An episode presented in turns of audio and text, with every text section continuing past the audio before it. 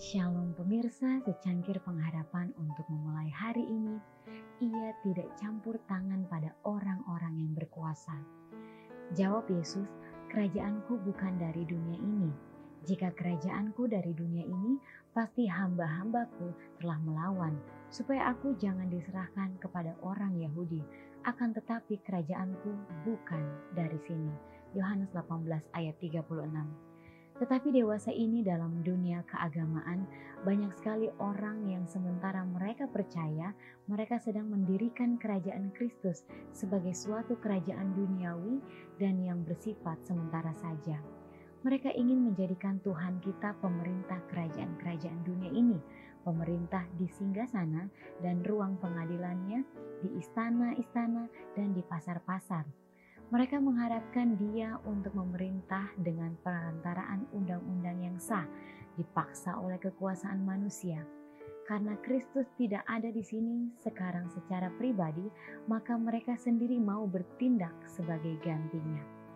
Menegakkan suatu kerajaan seperti itulah yang diingini oleh orang Yahudi pada zaman Kristus.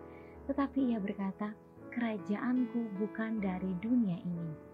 Ia tidak mau menerima tahta duniawi, pemerintahan di mana Yesus tinggal bersifat bejat dan suka menindas. Di mana-mana terdapat ketidakadilan, pemerasan, sikap menolak paham lain, dan kebengisan yang menindas.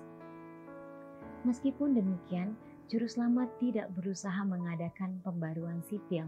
Ia tidak menyerang kejelekan dalam kebiasaan nasional ataupun mempersalahkan musuh-musuh bangsa ia tidak mencampuri kekuasaan atau jabatan orang-orang yang memegang tampuk pemerintahan.